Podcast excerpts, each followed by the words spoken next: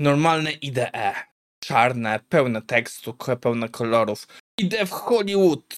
Nie dość, że to wszystko, to jeszcze jakieś symulacje, grafiki, diagramy, kula ziemska, didaskalia do wszystkiego i jak się w tym odnaleźć.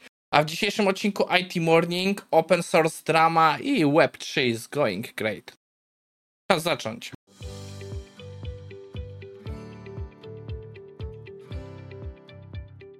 Cześć, nazywam się Maciej Wyrodek, a to jest IT Morning na 25. Nie, przepraszam, 26 lipca 2023. Nagrywam odcinek z wyprzedzeniem z powodu, że jestem teraz na wsi. I IT Morning to jest zbiór ciekawych artykułów ze świata IT, które mają pomóc w waszym rozwoju lub trochę przedstawić wam, co się dzieje szerzej w naszej branży. Jak dawno nie mówiłem, co piję, to teraz piję hibiskus na zimno z lodem. E, e, bardzo lubię hibiskus od pewnego czasu. Ale żeby dłużej nie przeciągać, wchodzimy do naszego pierwszego materiału, którym jest nowe wideo na YouTubie podsumowujące pełen, e, pewną sytuację, jeśli chodzi o open source. E, w dużym skrócie, e, nie ma co ukrywać, internet, praktycznie całe IT stoi na open source. Nieważne jak wielki jest produkt, czy produkt jest Facebooka, czy produkt jest kogoś innego, gdzieś pod spodem jest mnóstwo bibliotek, rozwiązań, które tak naprawdę są open source, utrzymywane przez community, może z jakimś odrobiną wkładu korporacji. Już praktycznie większość korporacji jakoś się przekonało, że no bez tego sobie nie poradzą i lepiej współpracować z ekosystemem open source niż nie. Między innymi dlatego Microsoft od dłuższego czasu coraz bardziej się otwiera na open source. Ale niektórzy mają inne zdanie. Red Hat jest firmą, która tworzy dystrybucję Linuxa, bardzo popularnego w korporacjach. I e, oni przez duży czas byli właśnie taką małą firmką, tak zwanym tym takim czarnym koniem, która bardzo mocno współpracowała z open source'em. Ale co zaczęło się dziać? Zaczynają coraz bardziej iść na noże. E, nie będę podsumował całych przygód z Red Hatem, ale ostatnio prowadzili coś, co jest bardzo hmm, dyskusyjne. A mianowicie wprowadzili ich kod open source w Red Hata jest wpuszczony za paywallem. Czyli jeśli chcecie mieć dostęp do kodu open source Red Hata, to on jest oddzielony od reszty świata paywallem.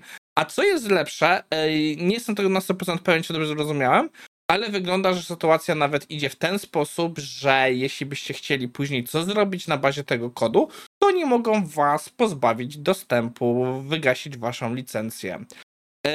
No i wiele osób jest na to nie do końca z tego zadowolone. Z, prosto, z jednej strony mówią, że okej, okay, no w teorii li, licencja pozwala na tą pierwszą część. Na tą drugą część jest duża dyskusja, czy to faktycznie nie jest e, właśnie już naruszenie licencji, że właśnie za to, że ktoś e, zredystrybuuje ten kod, będzie e, ponosił kary pieniężne. Więc zaczęła się z tego powodu drama. Zwłaszcza, że tak naprawdę autor, jak tutaj nawet zwraca uwagę, czy ja mam to gdzieś te, te informacje teraz. E, gdzieś mi to z, e, zgubiłem. W każdym razie, że między innymi to na przykład mu utrudnia pracę, bo jeśli on w takim wypadku utrzymując jakieś narzędzia open source ma wspierać właśnie Red Hata, to albo właśnie będzie musiał e, wejść w ten system, albo jakiś ich inny program deweloperski, żeby mieć dostęp do tego kodu. I tak naprawdę on powiedział, że to już jest, że po tym jak jeszcze Red Hat parę lat temu wywinął jakiś numer, E, to już jest trochę dość, że przestaje wspierać Red Hata e, i z tego co słyszę to jest ogólny sentyment. Może wam się wydawać to trochę mała sytuacja, bo no ale co, dali kod poza paywallem. Myślę, że to bardziej się rozchodzi o to cały problem z tą redystrybucją tego kodu i ogólnie złamanie pewnej etyki. Bo fakt, że jest to dozwolone w teorii licencją, to nie znaczy, że E, tak się robi. To jest coś takiego, co moim zdaniem ja na przykład bardzo tego nie lubię, jeśli chodzi o umowę. Jeśli podpisujecie umowę z firmą i jest jakiś tam zapis, który wam się nie podoba, to będzie i będziecie nie mówić, ale nie, my z tego nie skorzystamy spokojnie. Ja wtedy odpowiadam prosto, no jeśli z tego nie skorzystacie, to po co to tam jest? I myślę, że to był taki zapis, który gdzieś się pojawił w dawnych czasach i nikt nigdy nie zweryfikował, że on nie ma sensu, albo że kultura poszła w inną stronę. I Red Hat teraz z tego korzysta. To jest trochę tak, jak pewne rzeczy są przyzwolone w teorii na piśmie, ale no właśnie na zasadzie etyki to nie działa. I właśnie myślę, że jeśli nie zostanie wyciągnięte jakieś konsekwencje względem Red Hata, to będzie tego więcej. Ja nie jestem aż tak bardzo w open source. Ja parę rzeczy wystawiłem, napisałem parę różnych kodów, które są dostępne u mnie na GitHubie. E, raz czy dwa gdzieś próbowałem, z, e, miałem na napisany jakiś kod, gdzie rozwiązywał jakieś problemy, ale no ogólnie jestem gdzieś tak trochę tutaj bardziej pasywnym użytkownikiem niż odbiorcą, ale no rozumiem jak to bardzo działa. Autor też jeszcze poniósł ciekawy wątek w komentarzu, E, podsumowując, że e, autor, że Red Hat stwierdził simply rebuilding code without, without adding any value or changing it anyway represent a real threat to open source companies everywhere. E, everywhere. I autor mówi wprost, że to jest bardzo głupia odpowiedź z perspektywy, z perspektywy Red Hata, bo to oznacza jedno, że, że to tak naprawdę, że on nazywa takich ludzi użytkownikami. Ja się z tym zgadzam. Po to udostępniamy gdzieś kod, że ktoś może go przebudować, może go y, zrobić z niego własną wersję i go użyć. I myślę, że, y, że, że właśnie na tym bardzo często polegało open source. Open source nie oznacza, że ktoś nam wystawi działającą aplikację. Za to jak najbardziej może pobierać pieniądze, ale no, że nada, da nam dostęp do kodu, jeśli potrzebujemy, że możemy zrobić to sami. E, no i mniej więcej e, tyle na tym temacie. Po, po, jeśli interesujecie się światem open source, polecam obejrzeć wideo i posłuchać trochę więcej przemyśleń autora. E, a my w tym czasie idziemy do naszego drugiego materiału, który jest o wiele bardziej przyjemny, mimo że to jest takie Schadenfreude Away. Dawno, dawno temu, e, chyba pół roku temu, e, prezentowałem stronę, która się nazywa Twitter is going great.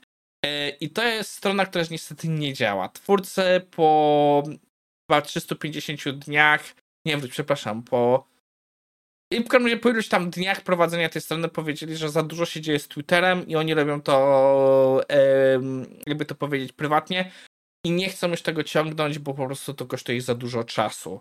I niestety już parę miesięcy temu ta strona wygasła, ale tak naprawdę tamta strona była cały czas bazowana na tych, którą wam teraz pokazuję. Web3 is going great. Jest to strona utrzymywana przez Molly White, e, która ma innymi także ciekawy newsletter poświęcony Web3, która jest dziennikarką e, bardzo mocno śledzącą temat właśnie Web3.